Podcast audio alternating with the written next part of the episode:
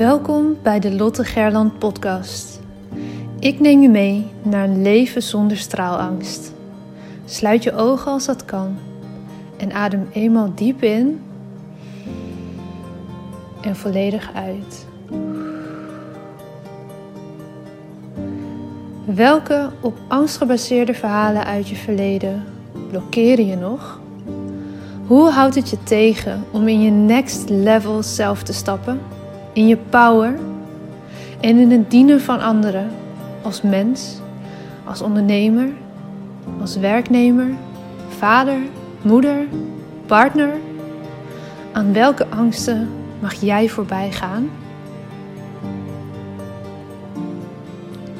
Je bent nu op een plek waar je goed genoeg bent, waar je gezien en gehoord wordt.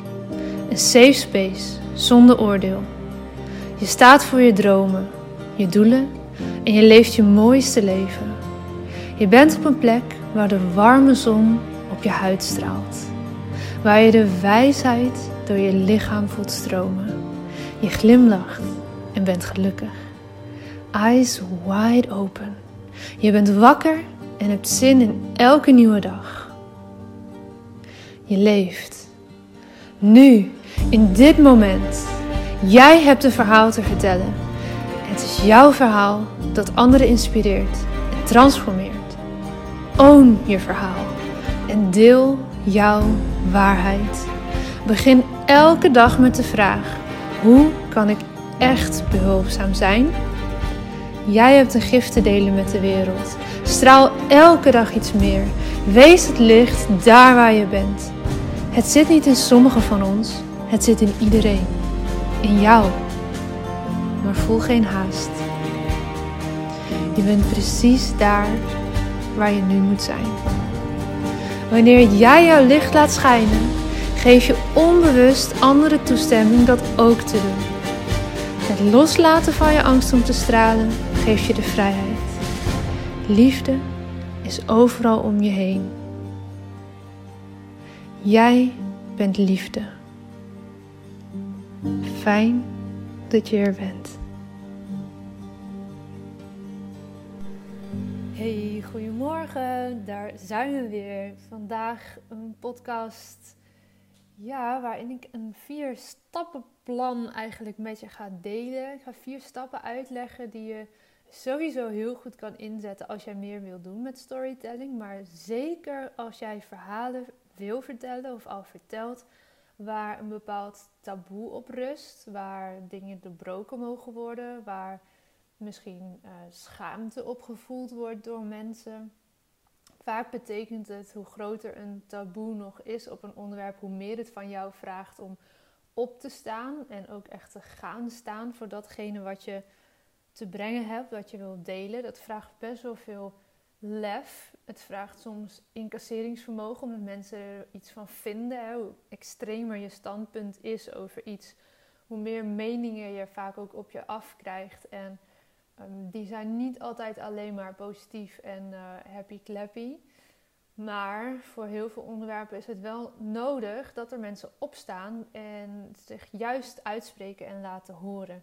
Nou, hoe kan je storytelling daar nu heel goed voor inzetten? Daar ga ik je vier stappen voor delen. En eigenlijk begonnen met een quote die ik las in een blog. En ik dacht, ja, hier, hier wil ik wel echt iets over zeggen. En die quote is van Fatima Dijk. Ik ken haar verder niet. Um, en de quote luidt: We don't tell bedtime stories to put people to sleep. We want to scare the shit out of them and wake them up. Dus ik vertel geen bedtime verhalen om lekker in slaap te vallen, maar om iemand juist ja, bang te maken, klinkt een beetje uh, negatief, maar om, om ze wakker te schudden. En dat is vaak het geval met onderwerpen waar een taboe op rust of waar nou ja, moeilijk over gesproken wordt. En dan denk ik aan onderwerpen als ziekte, denk aan kanker, denk aan vluchtelingenproblematiek, denk aan eenzaamheid misschien wel, denk aan uh, onderwerpen als zelfmoord, denk aan helaas ook nog uh, de gay community in ons land, waar ook gewoon nog zoveel om te doen is. En nou, er zijn heel veel onderwerpen, denk ik, helaas nog, waar best wel uh, taboes op rusten. Ondanks dat we met z'n allen misschien vinden dat dat niet zo is. En ondanks dat we in Nederland ook best wel veel kunnen zeggen, heel open kunnen zijn, merk je gewoon dat er best wel onderwerpen zijn waar nog veel ja, gedoe over is, waar gesteggel over is, waar mensen een sterke mening over hebben. En niet alleen maar in de positieve zin. Als jij als mens of als ondernemer hier meer mee wil, misschien vanuit persoonlijke ervaring of van mensen om je heen, als je dingen bespreekbaar wil maken, dan vraagt dat van jou extra moed om daarvoor op te staan.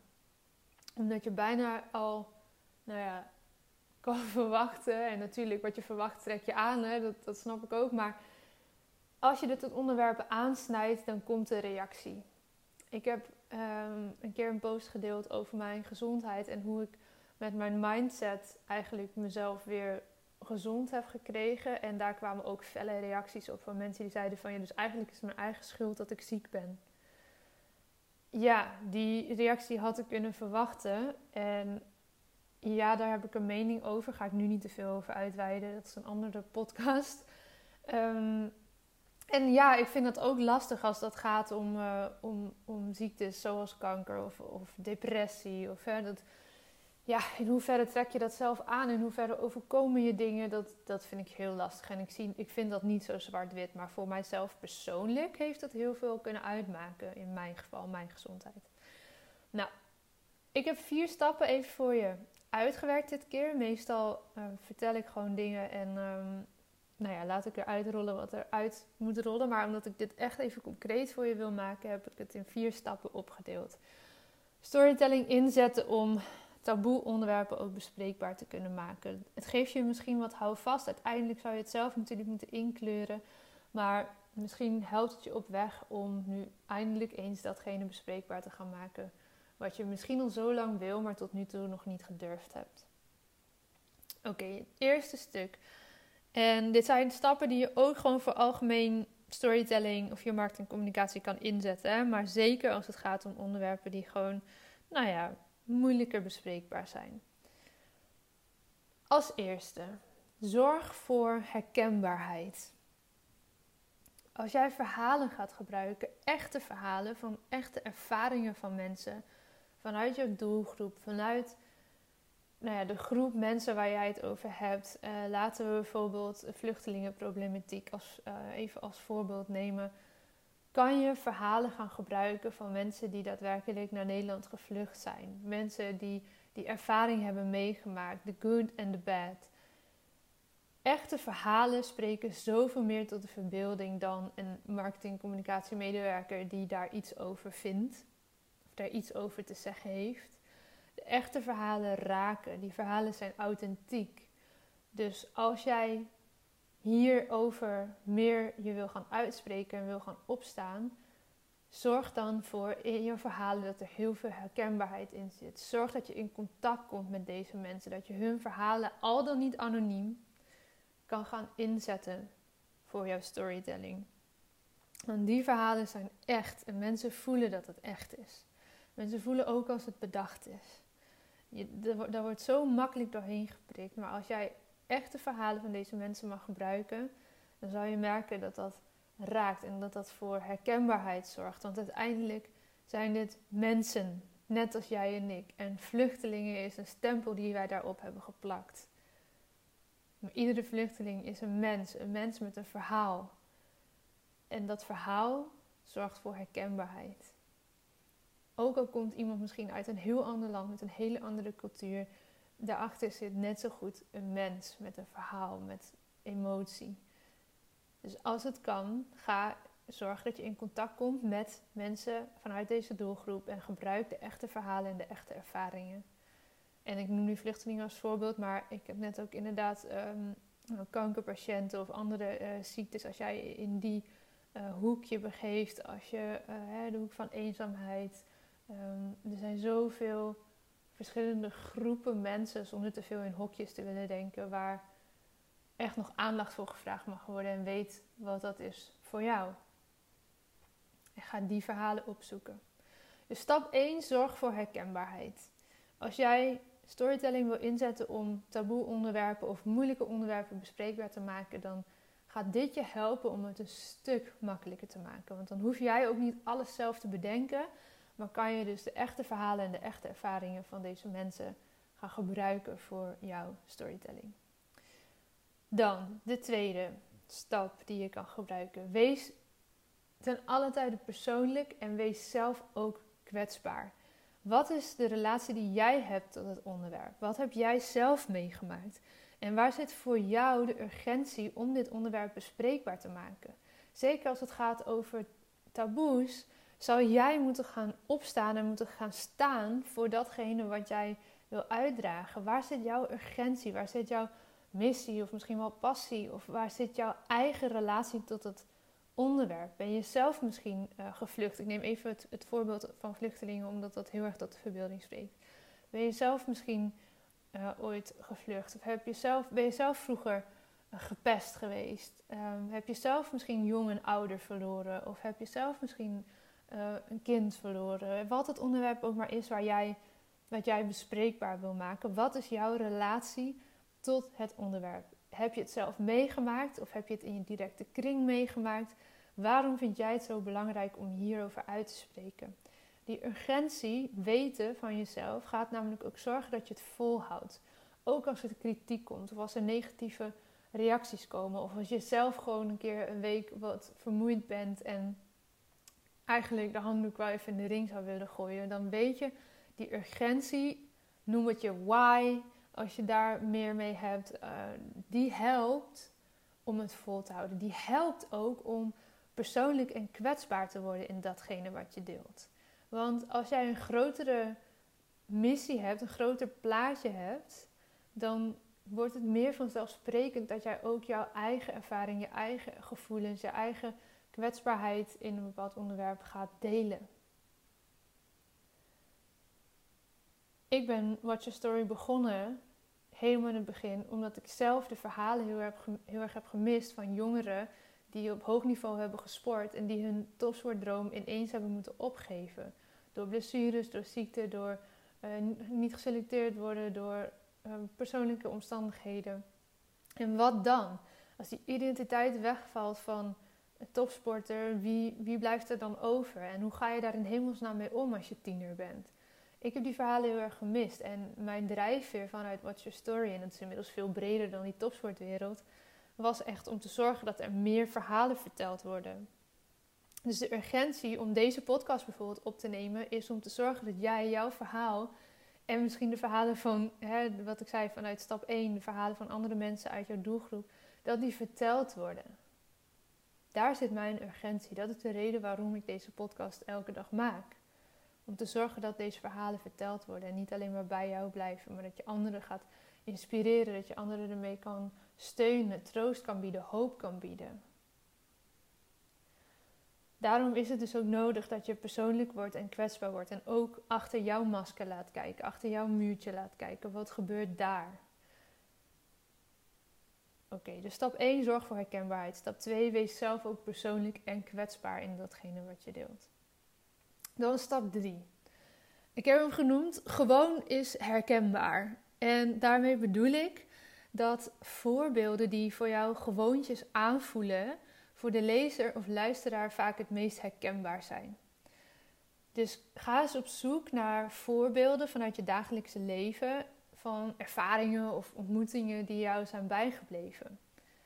Heb jij bepaalde mensen vanuit je doelgroep mogen spreken? Hoe was die ontmoeting? Wat heeft het met je gedaan? Mensen vergeten heel vaak wat je allemaal vertelt, maar ze onthouden soms heel lang, soms wel de rest van hun leven, hoe, ze je lieten voelen. Dus hoe voelde jij je in dat gesprek? Hoe voelde jij je op dat momentje van jouw dagelijks leven waarin iets zich voordeed wat gewoontjes was, maar wel daardoor heel herkenbaar? En prikkel ook gerust alle zintuigen die je hierbij um, ja, zelf hebt ervaren en dus ook kan doorgeven aan de lezer of luisteraar. Wat hoorde je? Uh, waar was je? Wat zag je daar? En, en, wat voelde je ook vooral? Gooi die emotie er zeker in, want dat is waar je de mensen raakt. Dat is wat mensen onthouden. Jij gaat niet onthouden als ik jou over twee weken vraag wat exact de vier stappen waren. Dan zou ik het heel knap vinden als je die nog precies weet te vertellen. Maar als, jij, als ik jou vraag van hoe voelde je na die podcast, dan hoop ik dat je nog kan voelen van oh, ik voelde me empowered om die verhalen te gaan delen. Om bedtime stories te gaan delen die niet mensen in slaap sussen, maar juist wakker schudden. Ik hoop dat je dat voelt aan het eind van de podcast. Dat je gesterkt bent in die overtuiging dat jij dit verschil kan maken. En dat het aan jou is, juist als het om taboe onderwerpen gaat, om extra op te staan daarvoor. Dat gevoel kan je soms nog heel lang bij je houden. En heel lang kan verschillen tot een paar weken, tot de rest van je leven. Dat hangt er vanaf van de impact van het verhaal wat je hebt gehoord en wat dat bij jou los heeft gemaakt. Dus ga op zoek naar voorbeelden die ogenschijnlijk gewoontjes zijn. Kleine ontmoetingen. Tijdens een wandeling, tijdens een.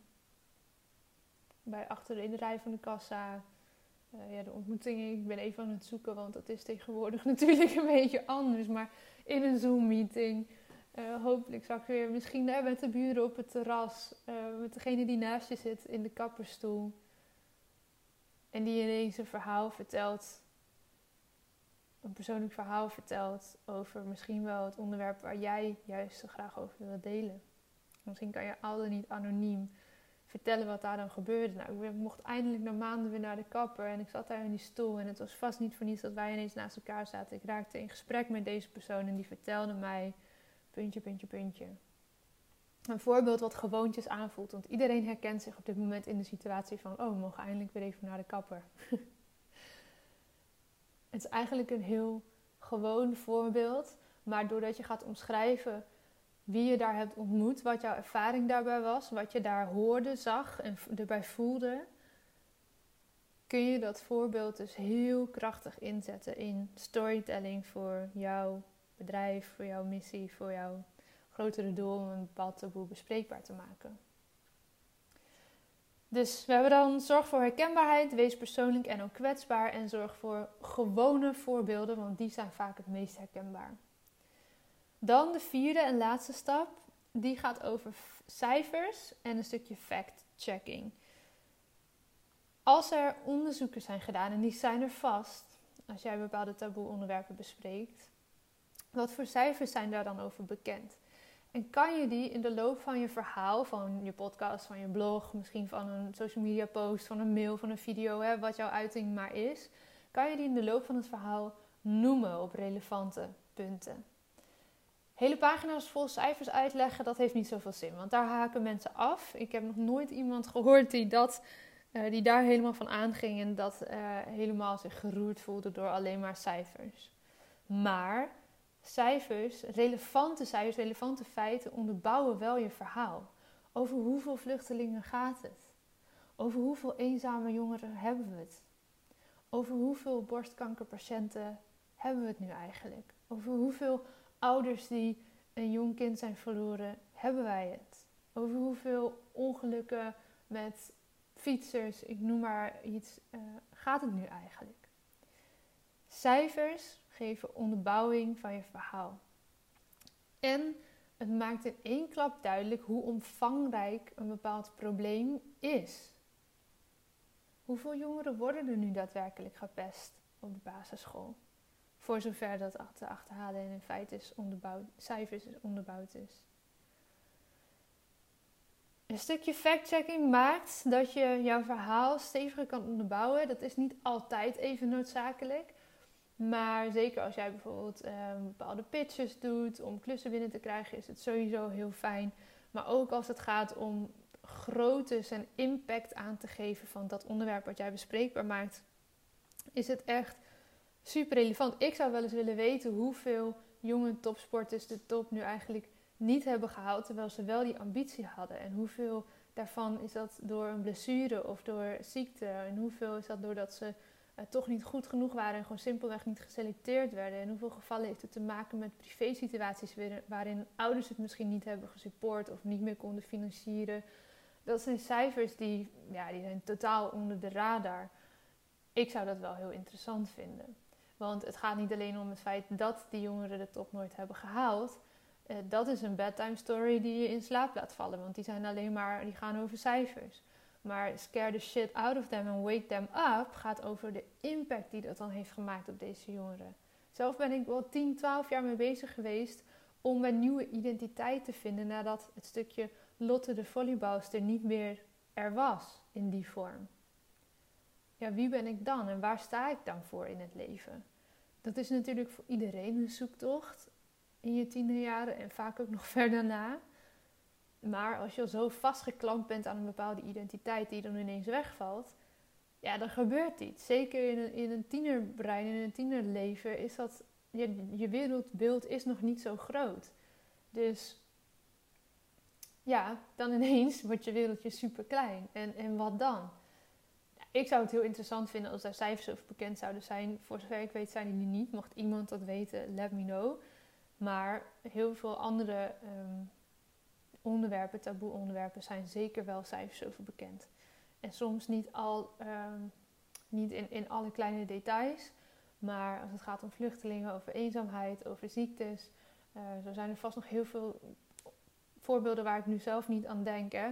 Dus kijk wat dat voor jou is. Welk onderwerp jij bespreekbaar wil maken. Zijn er vaak best wel cijfers bekend. En heel vaak zijn die cijfers nog lager dan wat daadwerkelijk aan de hand is. Maar het geeft body aan jouw verhaal. Om storytelling ook in te zetten om de taboe onderwerpen bespreekbaar te maken. Dus nog één keer de vier stappen. Zorg voor herkenbaarheid. Stap 1. Wees persoonlijk en kwetsbaar. Vanuit jouw persoonlijke verhaal dus. Stap 2. Zorg voor herkenbare voorbeelden. En weet dat die voorbeelden vaak juist heel gewoontjes aanvoelen. Want gewoon is herkenbaar voor de doorsnee persoon. Stap 3. En stap 4 tot slot. Voeg cijfers toe en doe aan een stukje fact-checking waar dat relevant is en waar dat jouw verhaal kracht kan bijgeven om dat het om heel omvangrijke problematiek gaat bijvoorbeeld. Oké, vier concrete stappen.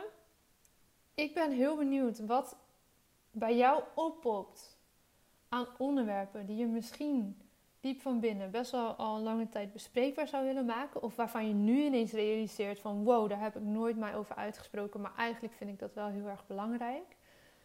Laat me eens weten wat dat is. Stuur me een DM of stuur me een mailtje. Ik vind dat super inspirerend om dat van jullie terug te horen. En ehm, ik denk graag ook met je mee als je daar iets aan hebt. Maar ik ben heel benieuwd wat dit voor jou doet en of je met die vier stappen misschien een eerste stap kan gaan zetten om daarin eens wat meer te gaan delen dan dat je tot nu toe hebt gedaan. En weet dat zeker als het gaat om taboe onderwerpen je vaak nog extra moet opstaan omdat mensen daar nu eenmaal iets van vinden. Maar dat betekent dus ook dat er dingen doorbroken kunnen worden, dat er nieuwe meningen gevormd kunnen worden door de kennis en ervaringen die jij deelt. En dat het dus extra belangrijk is dat er juist over gesproken wordt. We don't tell bedtime stories to put people to sleep. We want to scare the shit out of them and wake them up. Oké. Morgen een nieuwe aflevering. Ga je mee aan de slag. En laat het me weten wat het voor jou heeft gedaan.